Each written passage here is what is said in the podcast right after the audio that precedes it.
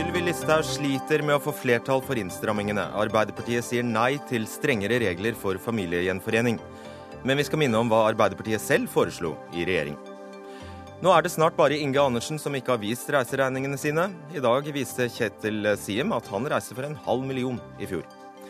Norwegian får bruke thailandsk mannskap på langdistanseflyene sine. Skjønner regjeringen hva det kan bety for europeisk luftfart? Misforstår barnevernet en somalisk mor som av omsorg fletter håret så stramt på den lille jenta si at det gjør vondt? Hvorfor fratas innvandrerforeldre barna mye oftere enn andre?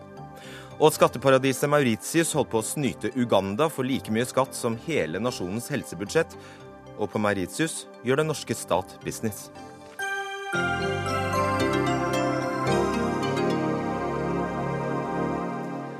Dette er eh, Dagsnytt 18. Jeg heter Fredrik Solvang.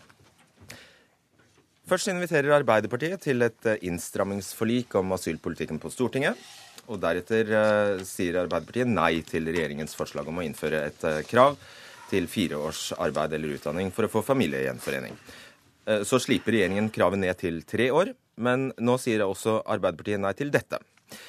Hvordan kan det ha seg når Arbeiderpartiet i regjering for åtte år siden selv foreslo et krav om fire års arbeid eller utdanning for å få familiegjenforening? Sylvi Listhaug, innvandrings- og integreringsminister fra Frp. Noe av svaret på dette spørsmålet kan vel kanskje være at Arbeiderpartiet, i motsetning til deg, har tatt inn over seg det FNs høykommissær for flyktninger faktisk sier? Nei, altså nå er det sånn at Vi som politikere i Norge må tenke langsiktig på vegne av landet vårt. og Vi ville ikke lagt frem noe som var i strid med de forpliktelsene som vi har. Men vi har jo registrert at under Jonas Gahr Støre sin ledelse av Arbeiderpartiet, så har dessverre Arbeiderpartiet skifta kurs. Man har gått i retning av en mer naiv og snillistisk innvandringspolitikk, der man også tydeligvis har en stor diskusjon internt. Og Det er klart det som bekymrer meg, er jo hvilket signal dette her sender ut. Vi så i fjor etter landsmøtet med 10 000 at det, vi hadde folk som kom til Norge som sa at ja, vi var invitert etter forliket på 8000. Og jeg frykter at det samme skjer nå, at disse signalene vil nå ut. Men det at, som virkelig burde bekymre deg, er jo at du ikke får flertall for forslagene dine. Det er jo det, nettopp det det gjør. Altså Derfor er jeg jo veldig skuffa. fordi at på vegne av landet vårt, så hadde det jo vært veldig bra at vi fikk til innstrammingene. Og det handler jo om hvilke signal som sendes ut. Så jeg kommer jo til, dersom tilstrømminga nå øker på, så, så, er Arbeiderpartiet medansvarlig for det. Fordi vi vet at signalet er viktig. Og Jeg skal bare gi et eksempel på det. Fordi at I fjor så var det sånn at mange som kom oppover til Nord-Europa, de reiste forbi Danmark. De ønsker ikke å søke asyl der. De reiste til Sverige, de reiste til Norge. Med dette her forslaget som Arbeiderpartiet nå lanserer, lanserer så vil dessverre Norge være mer attraktiv. Sånn at man påtar seg et stort ansvar. og Derfor så håper jeg at dere snur igjen, slik at vi kan komme til gode løsninger her. Det er fremdeles du som som sitter i regjering av dere to. Du, den andre er altså Trond Giske, nestleder i Arbeiderpartiet. Stoltenberg-regjeringen gikk i 2008 inn for at de som hadde opphold på humanitært eh, grunnlag, ikke skulle få eh, tillatelse til familiegjenforening eller gifte seg før det hadde gått fire år med enten utdanning eller arbeid i Norge. Hvorfor da si nei til tre år, som Listhaug nå foreslår? Nei, Vi er jo, som du sier, eh, i stand til å lytte til de innspillene som kommer. De synspunktene som bl.a. kommer fra høykommissæren om at dette nok ikke har særlig stor virkning på hvor mange som kommer, men har veldig stor negativ virkning på integreringa av dem som kommer.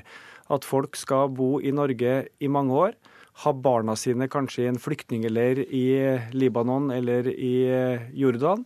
Eh, at eh, kone og barn kanskje må Eh, gå til lovbrudd og veldig håpløse situasjoner for å klare seg i mange år, og så komme til Norge.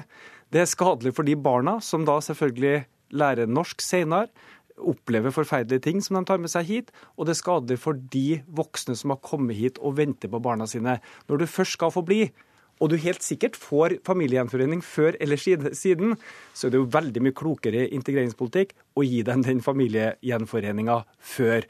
Men der Sylvi Listhaug foreslår ting som faktisk virker regulerende på innvandringa, slik at vi kan unngå det som skjedde med Frp i regjering i fjor, at vi satte ny norgesrekord i antall asylsøkere, ja, dem er vi stort sett med på. Så vi støtter det som bidrar til kontroll ved grensene, begrensa innvandring, og så er vi mot det som fører til dårligere inkludering og dårligere integrering. Svar veldig kort. Ja, Norgesrekorden hadde dessverre Arbeiderpartiet en del med å gjøre, med disse 10 000 som dere inviterte. Men når det gjelder familiegjenforening, så er det sånn at det står for en betydelig del av innvandringa til Norge.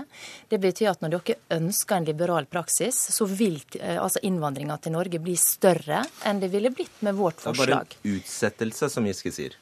Nei, altså fordi at de som da ønsker å få familien sin til Norge, må, må være i stand til å forsørge dem. Og det syns jeg er et godt utgangspunkt, fordi at jeg mener at norske skattebetalere ikke skal finansiere det.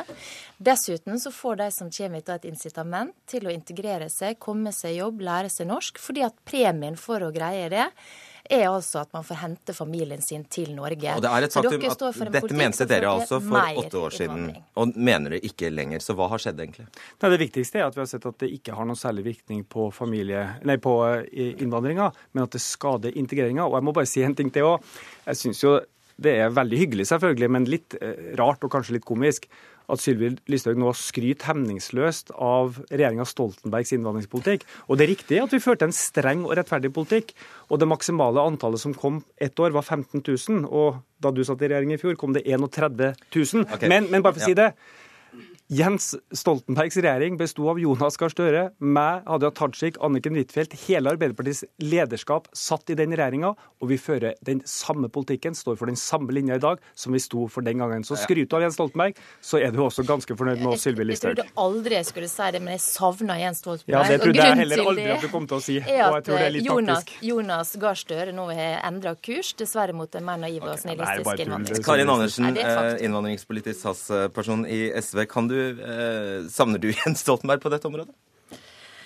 Altså Det vi ser nå, og regjeringas begrunnelse for disse innstrammingene, er jo akkurat det samme som Arbeiderpartiet hadde når vi satt i regjering og når vi tok dissens. Og det er at man ønsker å skremme de som har krav på beskyttelse, for det er jo bare dem disse innstrammingene rammer. Altså Alle er enige om at vi skal ha tiltak for at de som ikke har beskyttelsesbehov, skal komme til landet. SV har mer penger til retur enn det Sylvi Listhaug har òg.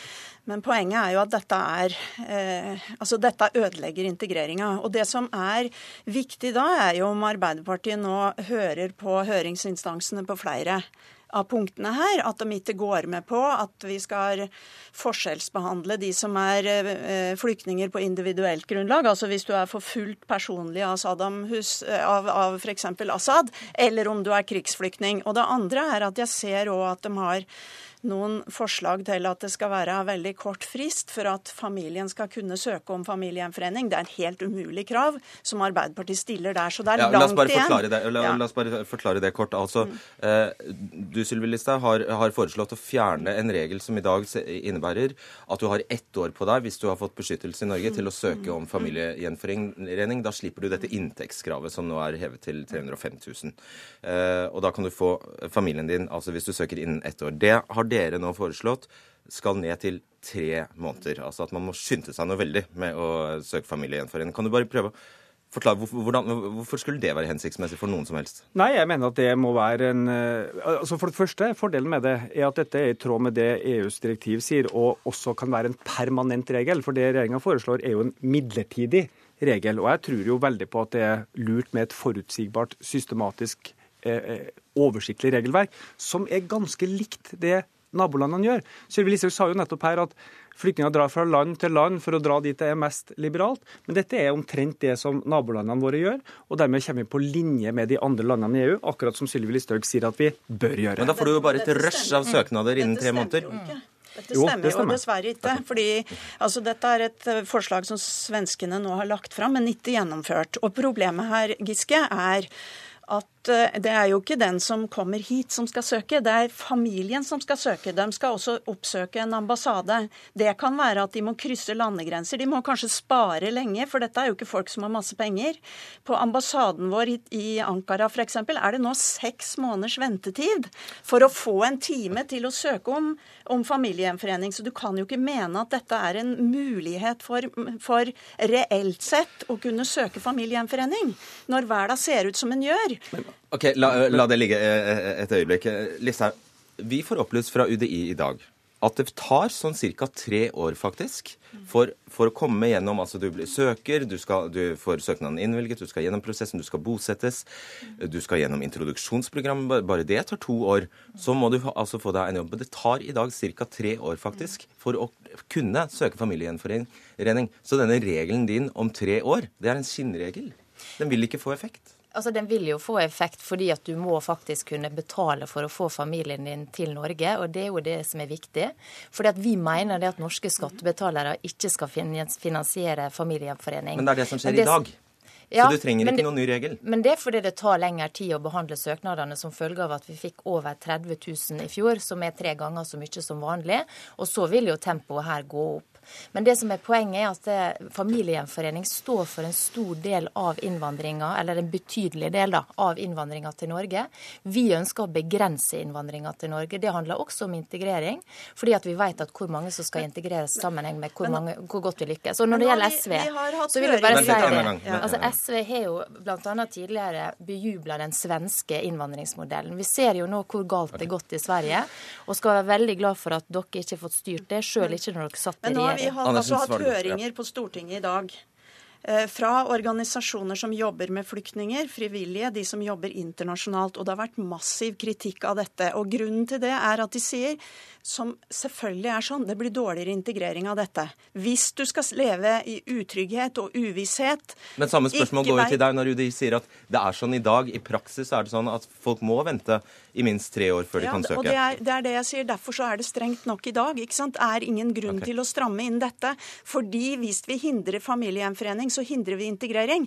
Alle er jo, altså Hvis man lever i utrygghet for unga sine eller ektefellen sin, eller kanskje den eneste søsk i søskenflokken man man har igjen i verden, og de er igjen i helvete, så er det klart det er litt vanskelig å lære seg et fremmedspråk og slå rot og bli bidragsyter i samfunnet. Og, og, og, hvis du nå er helt enig med FNs høykommissær, så er jo clouet her, og du er bekymret for integrering, så er jo clouet å senke dette inntektskravet. fordi det er det som virkelig er den store baugen å komme forbi. Og nå har det, det, dere er jo for å øke det.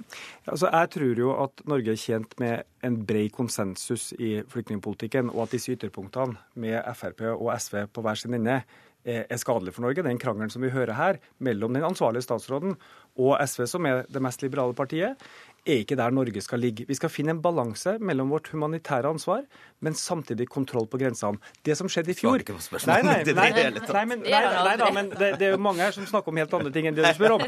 Og det du er veldig, og det du er veldig inne på, det er at en del av dette er skinnforslag som skal få Frp til å se tøffe ut, men som har liten effekt i virkeligheten. Og jeg har aldri, jeg må si dette, jeg har aldri sett en statsråd noensinne fra en mindretallsregjering som så aktivt og systematisk prøver å skyve alle hun skal samarbeide med fra seg.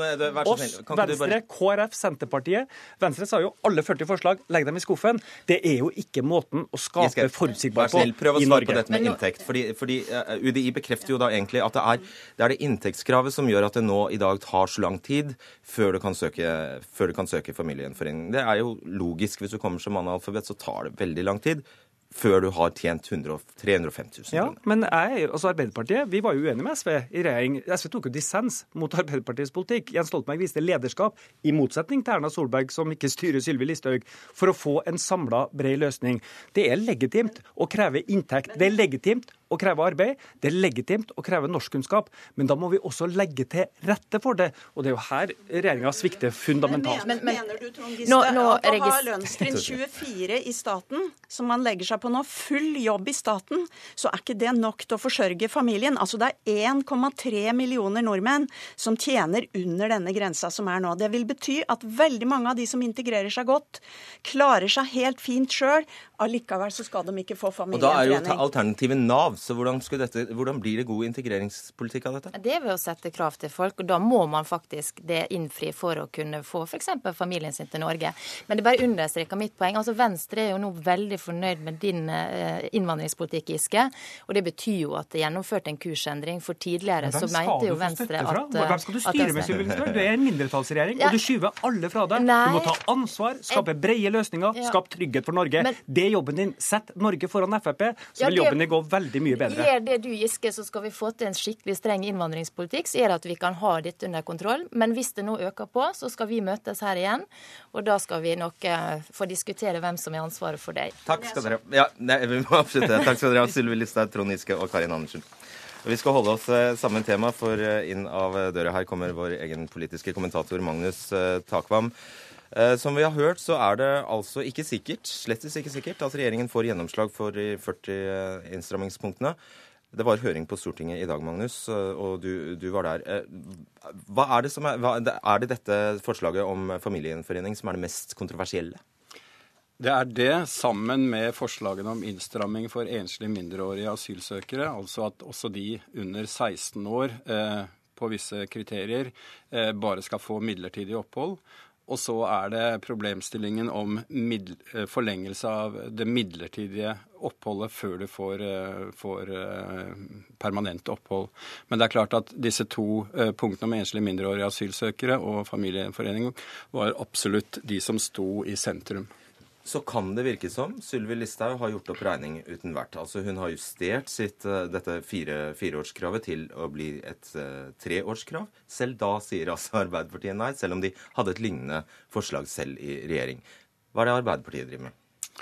Altså, eh, Punkt én så, så er, var nok det, og er nok det forslaget som eh, Sylvi Listhaug la på bordet, meget strengt. Eh, sett eh, relativt objektivt sett. Og det er flere tiltak som virker inn, eh, ja, altså inn mot fordi, hverandre? Fordi det bl.a.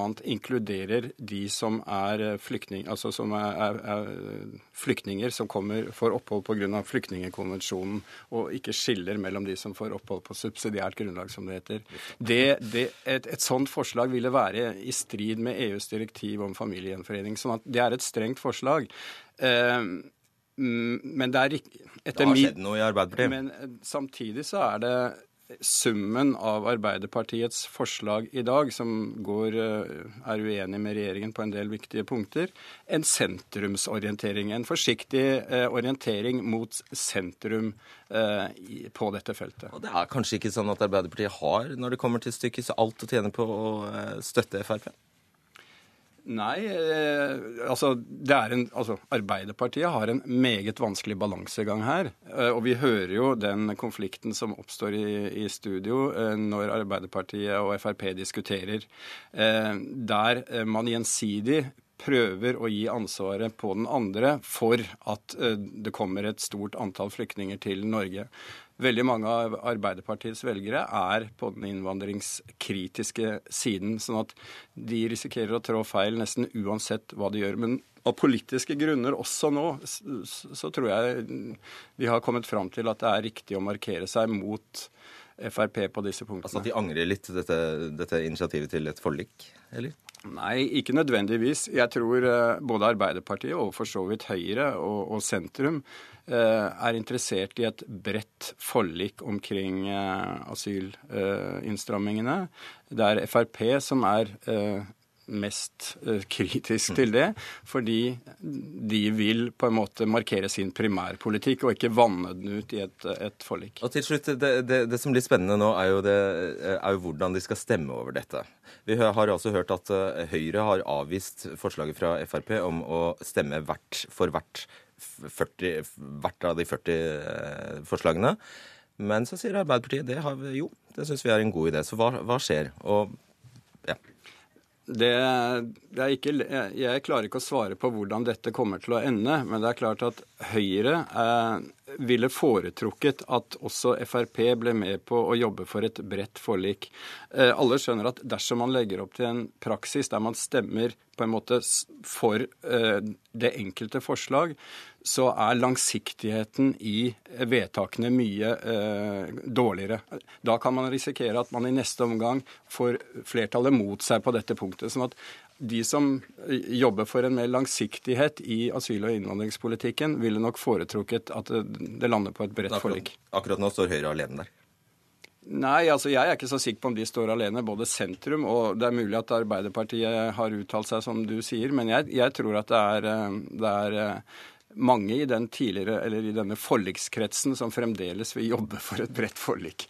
Men eh, det er ikke lett å forstå hva de, hva de eh, mener om dette når du spør de direkte i dag. sånn at vi får vente til, eh, til komiteen er ferdig. Og et forlik trenger ikke å være et forlik.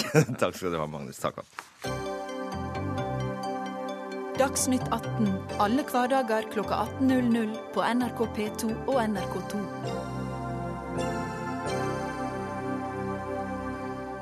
I kveld sitter ledelsen i Idrettsforbundet og lederne i særforbundene i møte på Gardermoen. Åpenhet i idretten ventes å bli et tema, og det skjer på samme dag som Norges Fotballforbund har snudd og likevel eh, velger mer åpenhet. Generalsekretær Kjetil Siem legger nå fram reiseregningene sine i detalj, og han vil gjøre det i framtida også. Terje Svendsen, president i Norges Fotballforbund, med oss på telefon fra Gardermoen. Hvorfor har dere valgt å gå ett skritt videre i offentliggjøringen av generalsekretærens reiseregninger? Etter første styremøte i, for, etter for det nye forbundsstyret så presenterte vi jo at vi kom til å legge fram uh, generalsekretærens reiseregninger og også presidentens og styrets reiseregninger etter hvert styremøte fremover. Uh, og så har vi opplevd at, så har vi også sagt at vi må finne en hensiktsmessig måte å, å gjøre dette på. Det har vi brukt tida nå, mellom første og andre styremøte til å gjøre. Og vi valgte da når vi skulle presentere det i dag, så bruke da reiseregningene for 2015 som en modell for å vise på hvilket nivå vi mener det er riktig å vise reiseregningene, for å gi våre medlemmer god informasjon om uh, reisevirksomheten i forbundet. Og Hvilket nivå er det? Det er et nivå hvor vi forteller om hvor man har reist, hvilket formål det var. Uh, spesifiserte kostnader på fly, hotell, antall netter, transport, bespisning, annet og antall deltakere og kommentarer. Slik at uh, våre medlemmer har en god oversikt over hver enkelt reise, penger, hva, hvilke penger som er brukt og hvor, hvor mange man har, som har deltatt. Ok, eh, Bli med oss videre hvis du kan, eh, Svendsen. Leif Welhaven, eh, nyhetsleder i VG-sporten. Det er jo din avis som i ukevis nå har skrevet eh, spaltemeter opp og spaltemeter ned om, ned om det dere kaller manglende åpenhet i idretten. Tommel opp for Fotballforbundet i dag? Det som har skjedd i dag, er et kvantesprang i riktig retning hva gjelder eh, åpenhet i idretten. Og det skal Fotballforbundet ha all honnør for at de kom til dette 78 dager etter at vi sendte den, den første innsynsbegjæringen, og opplevde på det tidspunktet å få døren hardt i ansiktet. Men det er jo ganske kjedelige ting de har lagt fram i dag, da, si det. Det er jo fire hva er det? Siem har reist for 494 000 kroner i 2015. Ja, nå er Det jo det de har lagt fram i dag, er jo langt mer spesifisert enn det de har gjort, uh, har gjort uh, tidligere. og Så langt så har man da ikke spaltet opp dette ytterligere i alle enkelte ting og. Så, videre. så får vi etter hvert se hvordan denne praksisen fungerer, og hvordan åpenheten vil fungere dersom det dukker opp, opp enkelteksempler som er verdt å se nærmere på. Det viktigste for oss her har vært den prinsipielle kampen for økt eh, transparens ja, i norsk idrett, og det har vi faktisk lykkes med. Du er ikke opptatt etter fine oppslag? Nei? Selvfølgelig er vi også si, Den andre siden av denne saken er jo si, å finne ut av rent faktisk hvordan makten er blitt, eh, si, for, eh, er blitt, forvaltet. Og det må man jo da faktisk gjøre ved hjelp av å få innsyn i eh, konkrete forhold. Og så vil det jo være innholdet i hvordan lederne sånn sett har opptrådt, som vil, vil, vise oss hva som har vært greit og hva som har vært grelt. Forskjellen på det som skjer nå i forhold til hva som var før, at nå har vi endelig muligheten til å finne ut av det. ja, det er riktig. Esno Sæther, kommentator i Dagbladet. Din reaksjon på Fotballforbundets uh, handlemåte her? Ja, altså, jeg, jeg, mener jo at det er uh, to sider ved denne saken. her. Det ene er den prinsipielle, som uh, VG meget fortjenestefullt har kjørt i lang, lang tid. All ære til deg og dine for, for, for den jobben. Og så er det den forventningen vi har om at norsk idrett skal ligne litt på det skandaløse vi har sett gjennom hele vinteren og årene før, om de store internasjonale forbundene hvor det, hvor det har vært utstrakt bruk av korrupsjon, hvor det har vært enorme midler som har blitt misbrukt. Og Den eneste måten å finne ut det på, er jo ved å være åpen. Helt, helt korrekt. Eh, og Derfor så er det viktig og riktig å dytte på åpenheten. Og så får vi som, eller de som eventuelt tror at de finner noe som ligner i det hele tatt, de får tåle noen skuffelse framover. For de tror jeg det blir mange av. Så du er ikke kritisk til noe av det VG har gjort? Du? Nei, kritisk er jeg ikke. Altså, hvis vi pressefolk skulle sitte oss ned og diskutere, så ville vi vel sagt at uh, ingen sak i VGs historie tror jeg har fått så stor uh, oppmerksomhet gjennom en treukersperiode som denne her. Og det kan man jo da kanskje se i forhold til resultatet man eventuelt måtte få til slutt. Men det blir flisespikkeri, og det er ikke, egentlig ikke nødvendig å, meg å nevne engang. Det er fortsatt en fisk igjen ved laven, er det ikke? Altså det vi eh, sånn sett eh, syns er forunderlig her, er jo at selve toppen i eh, norsk idrett ledelsen i Norges idrettsforbund altså konsekvent nekter å svare på det helt sentrale spørsmålet i denne saken her, som er si, hvordan er makt og midler blitt forvaltet på vegne av fellesskapet. Hver eneste gang ledelsen i NIF har fått muligheten til å velge mellom den åpne, åpne linjen eller den lukkede linjen, så har de valgt den lukkede. Det er påfallende. Tillegg så har de altså har de fattet et vedtak der syv om å ikke gi innsyn i perioden forut for 2015, der syv av dagens styremedlemmer hadde egne reiseregninger, og ifølge landets fremste jusekspertise da er åpenbart inhabile. Og Det viser seg også sånn sett eh, at det er et tingvedtak fra 2007 som altså gikk ut som enstemmig vedtok at prinsippene i offentlighetsloven skulle vært på plass senest tre år før OL i Sotsji. Prinsippene i offentlighetsloven går altså ut på en innsynsrettighet for tredjepart, i tråd på de samme prinsippene som dente med at faktisk kulturminister Linda Hofstad Helleland tvang ledelsen i NIF til å innføre, etter at de to ganger var kalt inn på kontoret hennes uten å evne å komme opp med noe konkret nok. Ja, og ledelsen i NIF er jo ikke til stede her. Det er fordi de ikke ønsket det. Eh, Sæther, du vil si noe? Ja, altså det, det, så påfallende er det vel kanskje ikke. Fordi at de har tross alt da i denne perioden eh, fått støtte av sin egen organisasjon. Eh, både Idrettsforbundet, eh, både styret der Ja, For det er ikke noe sånn rungende krav der ute? Det fins ikke noe krav i det hele tatt. ikke sant? Dette er, dette er vi i media, eller VG, som, som, som dytter fram, for å være konkret.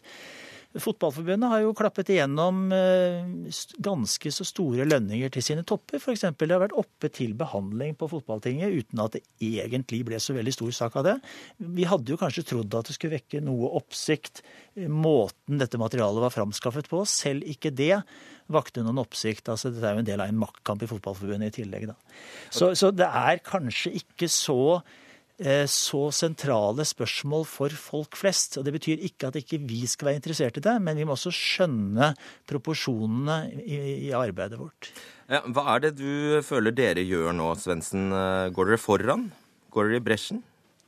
Eh, vi sa jo etter forrige styremøte at vi ønsker å ta initiativ for mer åpenhet i idretten. Det sa jeg allerede den 11. januar, når jeg ble lansert som kandidat til dette vervet. Og vi synes jo at det, det, debatten om åpenhet er viktig. Men det, det, jeg synes at debatten så langt har vært veldig unyansert og lite balansert.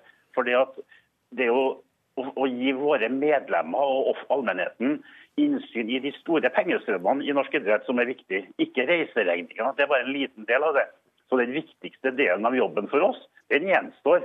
Nemlig å gi våre medlemmer ikke bare konsernregnskapet som vi behandler på tinget, men da en pedagogisk god måte å presentere pengestrømmene på, så man får innsyn i hva vi faktisk bruker pengene til. Mm. Men så har du beskrevet følelsen du satt med da du gikk gjennom reiseregningene til Kjetil Sien. Hva var det? Nei, det husker ikke, jeg husker ikke hva jeg sa. du, du frydet deg? Ja, altså for å si det sånn. altså eh, når, når, jeg tok det på dette vervet, så var det liksom det å skule til offentlighetsloven og sette meg ned og bla i gamle reiseregninger, det var egentlig ikke det, det jeg eh, hadde tenkt å skulle gjøre. For meg så er det veldig viktig å ha fokus fremover. Det føler jeg også Forbundstinget ga oss et veldig klart mandat på, å, ha, å sørge for større åpenhet og transparens fremover. Og da også innrette selvfølgelig budsjett 2017 som det, det første budsjettet jeg virkelig kan ha påvirkningskraft på på en måte som viser nøkternhet. Se hva du driver dem til, Vellemann. Hvis det, hvis det er én ting jeg kan eh, love eh, både Esten Osæter og andre, så er det at hvis noe vi har gjort de siste ukene, så er det å snakke med et helt uhorvelig antall mennesker i norsk idrett. Hvis det er en ting som er helt åpenbart, så er det at ledere og folk på grasrota i norsk idrett er opptatt av hvordan toppene i NIF har brukt pengene sine, spesielt hva gjelder si, kontaktene inn mot IOC i perioden da man brukte Er de like opptatt av det som VG? Altså det, det, er så visst ikke åpenbart. Altså, eh, hvis vi skal tilbake til en OL-sak, så, så, gikk jo en samlet norsk idrett med ett unntak inn for å, å kjøre denne OL-søknaden. Så, så, det er en elendig tilbakeskrivning av historien.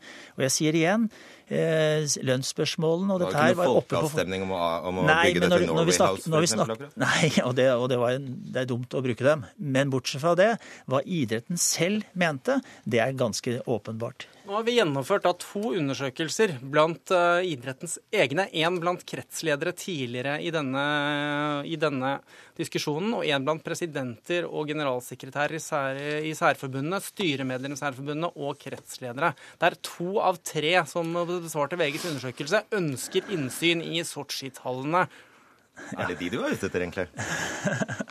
Altså, det ble jo da altså, brukt, altså, Vi har snakket om Norway House, som var et spleiselag. Det er bare en liten del av hva som ble brukt. Hvis jeg husker riktig, så er det vel også 27,7 millioner kroner som ble brukt da totalt sett i den mislykkede kampen for å få Oslo, eh, for OL til Oslo. det, og det er interessant å få innsyn i detalj fra et demokratisk perspektiv. Jo, jeg, hvordan disse pengene er jo, blitt hør, brukt. Hør, når det gjelder det regnskapet, ja. så var det jo oppe på sist idrettsting. Altså, den OL-kampen ble jo Aggregerte sekkeposter var oppe på det regnskapet. Nei, Føljetongen fortsetter. Har alltid fått noen innsyn i det reelle tallet tallene som gjør at de har mulighet til å følge noen form for uavhengig kontroll. Sekkeposter sier ingenting. Det er detaljene hvor de interessante svarene ligger i. Det sier om viljen totalt til å bruke penger, og den ligger der. Føljetongen fortsetter. Takk skal dere ha, Esten Aasæter, Leif Welhaven. Og takk også til deg, Terje Svendsen.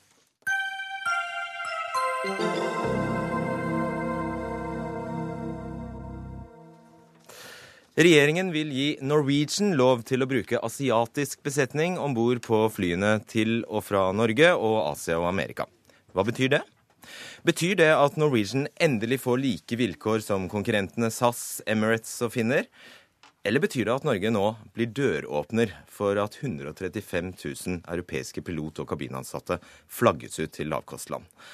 Peggy Hessen Følsvik, førstesekretær i LO. Forklar enkelt. Hvorfor skal ikke thailandske flyvertinner kunne jobbe om bord på et norskregistrert Norwegian-fly som flyr Bangkok, Oslo, New York? Det er heller ikke sånn i dag at uh, tredjelandsborgere, som vi da kaller det, som kommer utenfra Schengen-området, kan jobbe om bord på europeisk registrerte eller på norske registrerte fly. Det er det regjeringa nå legger til. Det være sånn? Det skal være sånn fordi at det faktisk er viktig for Norge og for de europeiske landene å opprettholde både arbeidsplasser og også europeiske og norske lønns- og arbeidsvilkår innenfor Vi skal ikke dele noe av denne kaka her. Det kan vi vel for så vidt være enige om å dele på, men da må vi ha spilleregler som gjør at vi kan dele det likt, og at vi kan dele det på samme måte som andre selskap, som de norske selskapene. Veldig konkret handling da, å dele, eh, dele med dem. Altså, akkurat disse kabinpersonalene får seg en jobb, får seg en framtid. Ja, det gjør de, men på samme tid så er det da uh, mange norske, nordiske og europeiske kabinansatte som vil miste jobbene sine fordi de blir utkonkurrert. Det kaller vi i vanlig tale for sosial dumping, og det er vanligvis denne regjeringa opptatt av å demme opp for. Men når det gjelder luftfartsbransjen, så gjør de nå det motsatte. De tilrettelegger for akkurat det. Sosial dumping og ansette thailandsk mannskap på norske fly. Det mener vi, ja. Fordi de tjener mindre? Fordi de tjener mindre, fordi de har dårlige lønns- og arbeidsvilkår. Kristel Kvam, statssekretær i Arbeids- og sosialdepartementet for eh, Høyre. Ja, Dette er egentlig en sak som faktisk nå har versert siden 2012, altså 2012, og forrige regjering sa nei til den forskriftsendringen dere nå gjør. Jussen er jo helt uforandret. Så hva er det dere eh, Hvordan kan dere komme til en annen konklusjon? Det som har skjedd, eh, det er riktig det at den saken har, varier, har uh, romstert i systemet en stund. Og det som har skjedd, er jo at uh, dette med denne Schengen-forskriften og grenseforordningen, den kom jo inn Den kjente grenseforordningen? Yes, den, den nå så kjente. den kom jo inn, og det som ble klart når man begynte å se på den, det var i forhold til den konklusjonen som da Justis- og beredskapsdepartementet trakk sak, det er at den er faktisk i motstrid til den utlendingsforskriften som da departementet jeg er i, eh, har med okay, å gjøre. Jeg tror vi må prøve det, oss på en den, litt enklere forklaring. Ja, altså, vi altså, har i Norge si... en lov som sier at hvis du, skal, eh, hvis du skal mellomlande i Norge, så må du ha en arbeids- og oppholdstillatelse i, i, Norge. Og faktisk, den, den loven er utformet sånn at hvis, som Følsvik sier, hvis du jobber om bord på et norskregistrert fly og kommer fra utenfor EØS, så har du ikke lov til å overnatte i Norge. Nei. Men hvis du jobber om bord på et utenlandsk fly, mm. så har du faktisk lov. Ja. Og det er det i praksis dere nå endrer. I praksis. Og det vi foreslår i det forslaget som vi nå har sendt ut på høring, og hvor høringsfristen går ut uh, på mandag, det er at vi må likebehandle dette. Utenlandske fly og norske fly. Og så kommer du fra tredjeland, som Peggy sier, og skal overnatte på Gardermoen og fly videre neste dag. For så skal, spiller det ingen rolle om du kommer på et utenlandsk fly eller et norskregistrert fly. Og du, du, skjønner hvilken dør du setter åpen da? Du forstår hva, bekymringen til Følelse i kveld? Jeg gjør egentlig ikke det. Jeg tenker at dette her er en forskrift. Altså vi har noen folkerettslige prinsipper som vi er forpliktet til å overholde. Det skal være det skal, Vi skal ikke ha eh, lover i Norge som er i motstrid med de folkerettslige det er greit, greiene. Det var jo egentlig ikke det jeg ville fram til. Ser du, altså Hypotesen Nå vet ikke jeg noe, noe om, om, om, lønnsnivået til de Norwegian-ansatte, men helt hypotetisk. Vi trenger ikke å snakke om dem.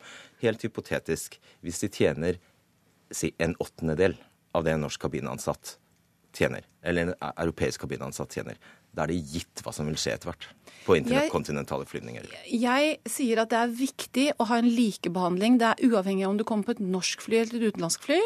Det som er, det, dette her er det jo uh, du, tar ikke, du, tar ikke, stilling til det jeg sier? Nei, altså jeg, jeg, mener at det å skulle spå om hva som kommer til å kunne skje i, i, i luftfarten, det vil ikke okay. jeg spå. Du får spå litt, i, da. Uh, men det kan kanskje Peggy gjøre. Ja, men jeg kan... sier at det som er klart uh, i forhold til dette med sosial dumping og det andre, det som er klart at dette gjelder, ikke, dette gjelder personer på, ansatte på fly som kommer overnatter en natt på Gardermoen ja, og flyr videre. De skal Europa, ikke kunne fly i Europa, de skal ikke kunne fly i Norge. Skal bare kunne fly. Og vi er veldig opptatt av de som jobber i Norge. De skal ha arbeids- og lønnsbetingelser som hører til i Norge. Se litt inn i glasskula du, da. Ja, jeg kan godt se litt inn i glasskula. Vi er litt i den samme situasjonen som det sjøfolka var i sin tid. Det regjeringa nå her gjør, det er akkurat det samme. Altså, De åpner for utenlandsk arbeidskraft på norske fly. Ja, og det var en utvikling i sjøfarten man ikke greide å unngå. Nemlig, det var det. Og det var mange mange, mange tusen arbeidsplasser i Norge, i resten av Europa og også i de vestlige landene, hvis du ser over til USA,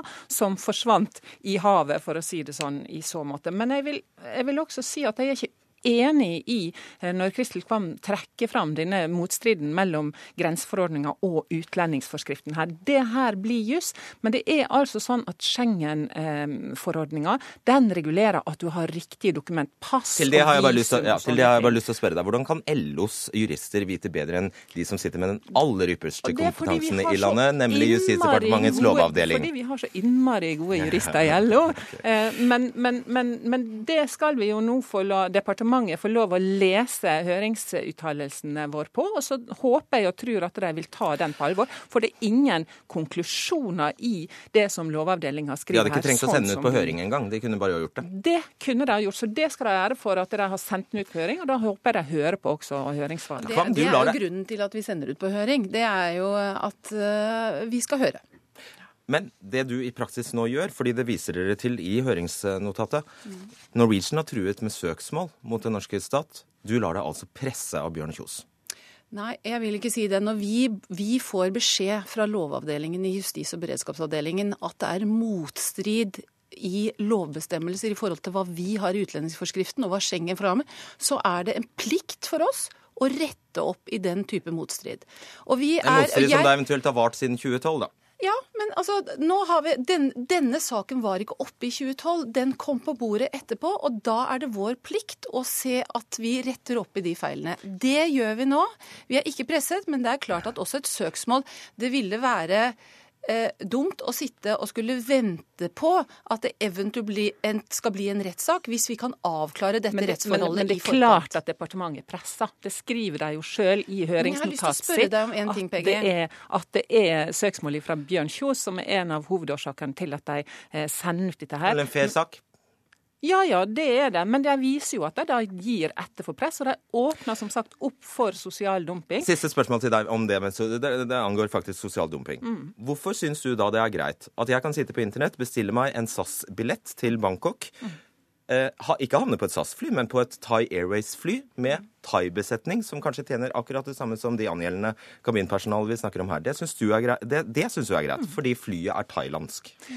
Poenget, hele poenget her er jo at det flyet som skal ha norsk besetning, det som er registrert i Norge, og som er eh, under, under, norsk eh, holdt jeg på å si, jurisdiksjon, det skal også ha norsk mannskap. Det er jo hele Det har aldri vært et alternativ, sier Bjørn Kjos. Det var aldri et det alternativ. Kan nei, men det kan godt hende det aldri har vært noe I- i alternativ for Bjørn Kjos. Så, så ser det kanskje sånn ut. Men hvis du sitter og har et, ikke likebehandler utenlandske fly og norske fly, og hvis man opprettholder Men- det men som Peggy sier, ikke, så vil man kunne komme til den situasjonen at hva gjør man da rasjonelt sett? Jo, man har ikke norskregistrerte fly, man har bare utenlandske. Og så er saken løst. Og da har det ikke da, Nemlig Det har akkurat en utvikling som i sjøfarten Men- som eh, føles viktig. Men likebehandling har vi i dag. Nå legger man opp til en særfordel for Bjørn Kjos og Norwegian, og det er det vi ikke Vi kan være være med på. Vi skal være stolte av at vi får norskregistrerte fly. Tusen takk skal dere ha, Peggy Hessen Følsvik og Kristel Kvam. Hør Dagsnytt 18 når du vil. Radio NRK Radio.nrk.no.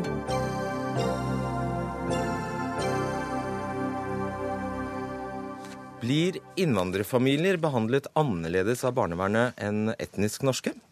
I kjølvannet av kritikk og demonstrasjoner mot norsk barnevern i flere land stilles dette spørsmålet i Aftenposten i dag. For dere har sett at barnevernet i enkelte tilfeller griper for raskt og dramatisk eller drastisk inn overfor eh, innvandrerfamilier, eh, sier du til eh, avisa Vilde Reichelt. Jeg håper jeg uttaler navnet ditt riktig? Ja, helt riktig. Ja. Fagkonsulent ved Primærmedisinsk verksted, og det er altså et flerkulturelt nettverkssenter underlagt Kirkens Bymisjon. Eh, dere jobber med brobygging mellom det norske samfunnet og personer med minoritetsbakgrunn. Og du setter spørsmålstegn ved, eller stiller spørsmål ved om det er likhet for loven. Hva mener du med det?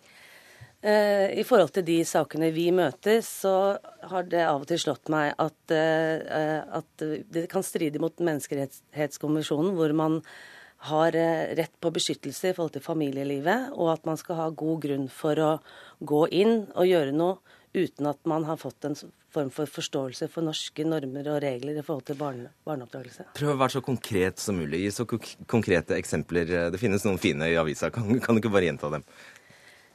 Eh, eksemplene på det vi På det dere opplever som egentlig da misforståelser.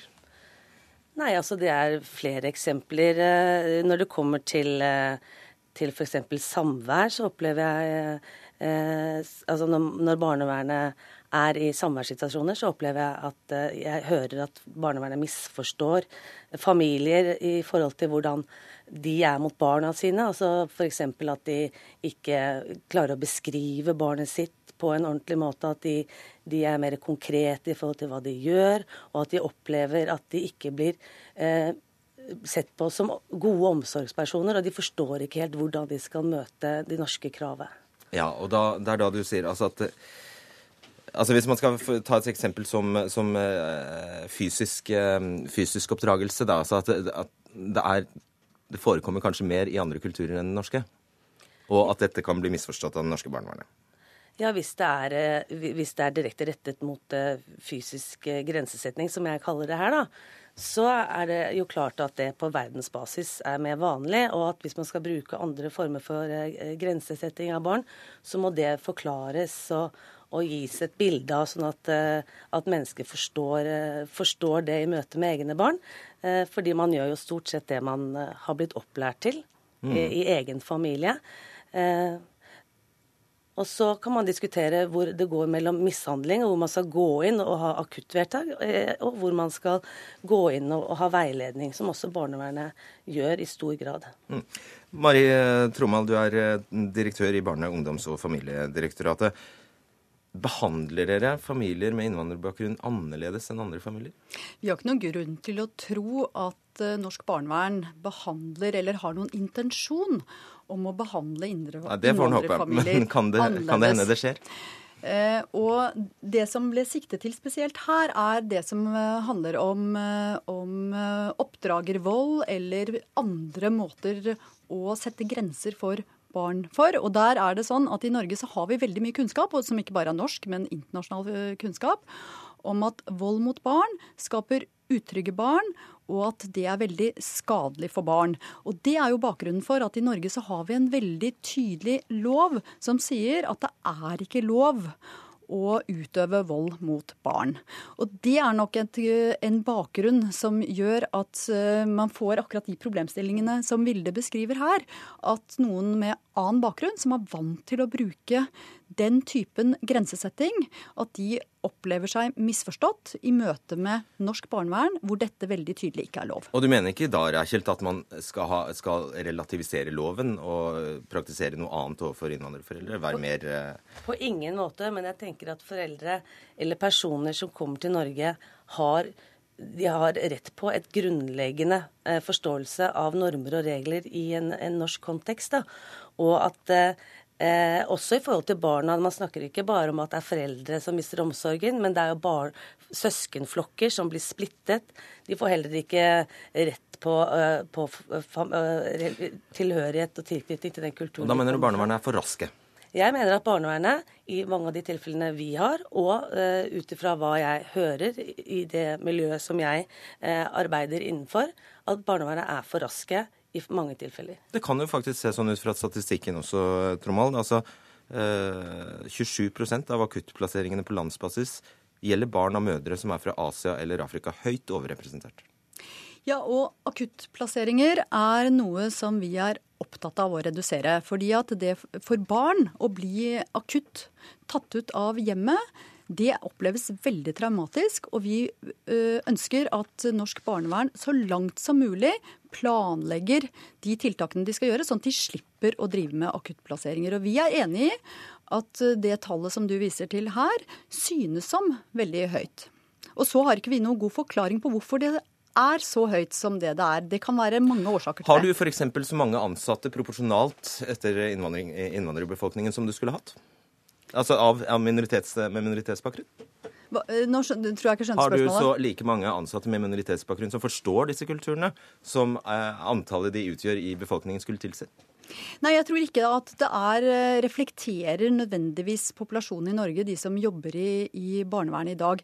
Men så er ikke det nødvendig at man må møte noen fra egen kultur for å kunne forstå eh, hva som skal til for å hjelpe en familie. Jeg tror nok at vi må satse på å bygge kompetanse i barnevernet, sånn at de gjør gode utredninger og at de så langt som mulig går inn og nettopp hjelper foreldrene til å forstå hva slags annen type tiltak de kan bruke, enn å bruke vold i i barneoppdragelse. For mange ganger så handler det nettopp om at foreldrene ikke da skjønner hva er det de skal gjøre isteden. Hvordan setter man grenser i Norge? Hva er det man gjør? i norsk foreldreferdigheter, for å si det på den måten. Og Reichelt, Da er jo bakteppet at uh, tilliten til barnevernet i visse innvandrermiljøer er helt tynnslitt hvis den i det hele tatt er til stede. Ja, og Det som jeg ser på som et stort problem der, nå må jeg bare si at jeg er for et godt barnevern. Og det er jo at de hjelpetiltakene som er gode, ikke blir brukt fordi at foreldre ikke tør å, å søke hjelp hos barnevernet fordi at de tror at dette vil medføre uh, for mye uh, Eventuelt å miste barna, liksom. barna sine. Uh, og, og, dette her går det mye rykter om, og dette er ofte innenfor miljøer hvor det er mye muntlig eh, informasjon, og det sprer seg fort. og Derfor er det viktig at barnevernet er meget bevisste i måten man går inn i saker på. Og du erkjenner at dere har et stort problem her? Jeg vil gjerne eh, slå i hjel en myte om mulig, og det er at det er så mange som faktisk åtte av ti som er fornøyd med de hjelpetiltakene de får fra barnevernet. Og det handler også om eh, foreldre med minoritetsbakgrunn. Og så må vi også se litt på hva som er tallene dette handler om. Og Du nevnte i Aftenposten i dag morges om somalske familier, og da vet vi at det var 18 barn fra somalske familier hvor det var fattet omsorgsovertagelser i 2014. Det og det er ikke mange. Og det er viktig at vi som jobber i, enten i, i, forvaltningen eller i tjenestene, sånn som Vilde gjør, at vi er tydelige på hva som er de faktiske tallene, sånn at ikke foreldrene blir unødvendig skremt. For her er de aller fleste somalske familier. De lever veldig godt med sine barn og gjør en aldeles utmerket jobb. Vi må sette strek der. Takk skal dere ha. Vilde Reikert og Mari Tromal.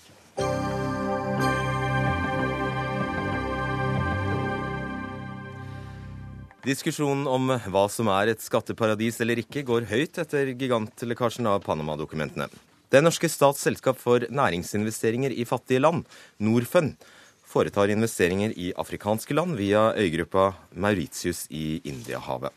Norfund mener dette gir trygghet for ordnede forhold og tilgang til et ryddig rettsvesen. Men Kjetil Bragli Alstaheim, politisk redaktør i Dagens Næringsliv, du skriver i en kommentar i uh, avisa di at uh, slike oversjøiske finanssentra, som, kan, som, det kalles, kan være problematiske. Mm. På hvilken måte? Eh, det er kommet fram et eksempel nå i forbindelse med Panama-papirene som illustrerer det ganske godt. Det handler om et oljeselskap som Eh, var inne i Uganda og hadde eh, felter der, eh, og som det skulle selge til et annet, et annet oljeselskap. Det ville utløse en, en, gevinstbeskatning på 400 millioner dollar. Altså Uganda ville få 400 milliarder dollar millioner, i skatt, unnskyld, millioner, millioner dollar, i, skatt. i skatt fra dette, dette selskapet som het Heritage Oil and Gas. Eh, det som skjedde, var at eh, Heritage Oil and Gas hadde da eierskapet på Bahamas, og så flyttet de det til Mauritius. Eh, og mistanken fra Uganda var at dette var skattemotivert, fordi det ligger en skatteavtale mellom Uganda og Mauritius der. Den skal hindre dobbeltskatt, dobbel beskatning. Men, men uh, gevinsten her for Heritage er at på Mauritius er det ikke skatt på den type gevinster. Så de ville ikke bare slippe dobbeltskatt, de ville slippe all skatt. Men virksomheten skulle foregå i Uganda, bare så det er klart? Den foregikk i Uganda og foregår i Uganda. Og det som uh, er kommet frem da med Panama Papers-avsløringene, er e-poster som, uh, som der dette advokatfirmaet Mossack Fonseca eh, har vært inne for å hjelpe med, til med denne flyttingen, og der det går ganske tydelig frem at motivet er å slippe unna denne skatten. Og Gi oss et uh, bilde på hvor mye 400 millioner dollar er i ugandisk målestokk. Et land med om lag nesten 40 millioner innbyggere. Det er eh, omtrent like stort som uh, hele Ugandas helsebudsjett, og da inkluderer vi internasjonal bistand. Alt som brukes på offentlig helsevesen i Uganda skatten fra dette ene selskapet. Ja, for ett år. Sverre Tom Radøy, korrespondent for NRK i Afrika, eh, akkurat nå i Juba i Sør-Sudan. Eh, dette eksempelet fra Uganda og eh, dette selskapet Heritage Oil and Gas, hvor unikt er det? Nei, I alle fall så er det en kilde, det høres ufattelig ut, men som sier at det er 100 milliarder dollar i året som forsvinner fra Afrika gjennom eh, skatteparadiser, som altså blir fratatt skatt for kontinentet. Og Det er da ganske mange hundre helsebudsjetter i Uganda vi snakker om. Det virker urimelig, men kilden er god. Eh, det som har skjedd her, er eh, at Nigeria, Kenya, Sør-Afrika og Botswana har hatt de største fiskene når når det gjelder akkurat Panama-avsløringene. Eh, det har fått en del oppmerksomhet. Vi skal huske på at på, på landbasis så er man svært opptatt av denne problematikken. G77-landene, altså de fattige landgruppen, eh, kom et forslag på det høyprofilerte FN-møtet i Addis Abeba i, i, juli, der de ville stanse på mekanismer for å stanse og forby dette skatteparadissvindleriet, som de har kalt det. Det ble klart nedstemt av eh, en del vestlige land. Eh, det sies at eh, Storbritannia leder den gruppen som stanset G77-initiativet. Og det tar seg ikke så godt ut akkurat i dag, da, etter eh, avsløringene rundt Cameron og hans familie når det gjelder akkurat skatteparadiset. Men så er det jo da trist nok slik at lekkasjen fra Panama-dokumentene ikke har rystet Afrika i like stor grad som Europa. Hva, hva er forklaringen på det? Nei, Forklaringen er selvfølgelig at eh, folk uh, tar det som nesten daglig kost at toppolitikere og maktmennesker lurer unna ting. Det er førstesider hver eneste dag om bl.a. her i Kenya om, om snusk og korrupsjon og rent økonomisk svindel. Slik at det skal svært mye til for å, å, å komme igjennom med historier om, eh, om, om f.eks. skatteparadiser. Folk er rett og slett eh, veldig vant til økonomiske misligheter når det gjelder deres toppledere på dette kontinentet, dessverre. Men så må jeg også, også da gi Dagens Næringsliv litt, litt kreditt her. For det er, det er, befriende for en som dekker Afrika. Og, se at selvfølgelig så, så, er Norge mest opptatt av, av, det som har med Norge å gjøre når det gjelder Panama-svindleriene. Ikke svindleriene, men men, men, det moralske aspektet ved det. Eh, Men det er veldig OK at man løfter blikket og ser på hvem det virkelig gjelder, og hvem det virkelig går verst utover, nemlig de fattige landene i verden. Ta det til deg. Takk skal du ha, Sverre Tom Radi. Ta det til deg, eh, Asheim. Det er gjort. Vi skal bare legge til da at denne, akkurat denne historien endte vel fordi Uganda fikk eh, pengene sine. Ja, Etter flere runder i retten så har de fått pengene. Ikke alle land ville vært slike standhaftige. Nei, og det er et av problemene med, med den type, type organisering via disse oversjøiske finanssentrene, er at eh, det, en del av det er, kan være lovlig skattetilpasning, eh, men andre ting er, er ulovlig, og det kan være vanskelig å skjære gjennom og vanskelig og tidkrevende å komme frem til en eh, konklusjon på hva som egentlig er riktig. Ola Nafsa, direktør for strategi og analyse i Norfund, som jeg sa altså er eh, statens eh, selskap for næringsinvesteringer i, i fattige land. Det er vel bare én ting å gjøre, og det er å komme seg ut av Mauritius fortere enn svint. La meg aller først gjøre det helt klart at vi er enig med alle som tar til orde for økt åpenhet, eh, eh, eh, bekjempelse av ulovlig skatteflukt og, og, og hvitvasking av penger og den slags eh, ting. Det er forkastelig, og det må bekjempes med, med de midler som finnes. Derfor skal vi ikke understøtte et skatteparadis som Mauritius, var vel så vil jeg understreke at, at eh, Norfund plasserer ikke penger i skatteparadiser. Alle våre midler går til investeringer i fattige land. Eh, Men det vi gjør i noen tilfeller De fleste av våre investeringer går direkte og er domisilert, som det heter, enten i Norge eller i vertslandet for investeringen. Men i en del høyt prioriterte investeringer, og det dreier seg om egenkapitalinvesteringer i små og mellomstore bedrifter i de fattigste landene, så er det nødvendig å gå via et tredjeland av flere grunner. Og eh, da er Mauritius er en naturlig innfallsport til Afrika, som brukes av veldig mange investorer. Eh, Og eh, for Hvordan kan det være naturlig når du hører denne historien? Nei, altså, Mauritius er et land som, som, som uh, har jobbet lenge for å etablere åpenhet. Uh, så er de ikke helt i mål, men de har kommet langt. Og de er, de er eh, langt fremme i denne internasjonale prosessen med å etablere åpenhet. Ok, Hva sier du til dette? Eh, Jeg syns det er veldig lett å forstå hvorfor eh, Norfund bruker Mauritius i en del sammenhenger. Fordi eh, når du skal investere i en del fattige land, så kan det være usikkerhet om rettssystemet. Det kan være regimer som er litt ustabile, eller der du ikke er helt trygg på det. For andre investorer, eller også for Norfund, kan være at de skal investere sammen med noen, og at det da er et, et, Et lovverk og ryddig utgangspunkt. ja. Det jeg syns er, er merkelig, er hvordan Norfund tar den rollen med å skulle forsvare eh, det systemet som, eh, som er i dag, den praksisen som er, som er i dag, når du ser hvor store problemer det gir. Eh, Dette er noe G20-landene er opptatt av å gjøre noe med, noe OECD prøver å lage nye retningslinjer for å, for å, å gjøre noe med, som Det internasjonale pengefondet jobber med, som Verdensbanken jobber med. Det var en ny allianse med alle disse aktørene, pluss FN, som ble lansert i forrige uke. Det handler om å, å bekjempe overskuddsflytting, som det heter, og hindre undergraving av skattegrunnlaget i land. Men her plasserer Norfund seg som forsvarer av det systemet som resten av verden nå prøver å få gjort noe med. Det syns jeg er rart. Gåtefullt.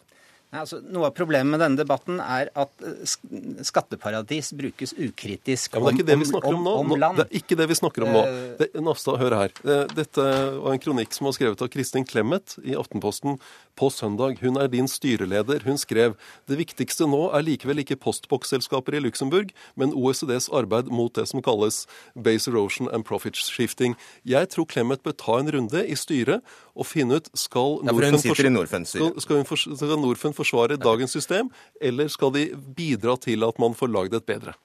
Det jeg sa i sted, og det jeg mener, det er vi forsvarer ikke dagens system som åpner for å skjule formuer og gjemme skatt. Samtidig så er det sider ved noen av disse finanssentrene som er nyttige og nødvendige. Eh, og det er akkurat som vi i Norge har etablert Norsk internasjonalt skipsregister for å gi en jurisdiksjon og et eh, gunstig beskatning og beskyttelse av kreditors rettigheter for skipsredere fra Så et hele verden. regime som da raner Afrika for Så- 100 milliarder dollar, er nødvendig? Nei, det jeg, jeg forsvarer ikke regimet som bidrar til tapping av, av det er det, det er det som skjer. Det skjer, men, men det er øh, investeringer eh, gjennom tredjeland er nødvendig for å kunne eh, gjøre høyt prioriterte investeringer. Og det har ingenting med okay. tapping av ulovlig skjuling, skjuling av formuer og tapping Greit. av disse landenes eh, eh, Vel, penger. Greit. Takk skal du ha, Ola Nafstad. Takk også til deg, Kjetil eh, Bragli Astheim. Dagsnytt 18 er over. Det var Ida Tune Øretsland, Eli Kirkebø og Fredrik Solvang som var ansvarlig.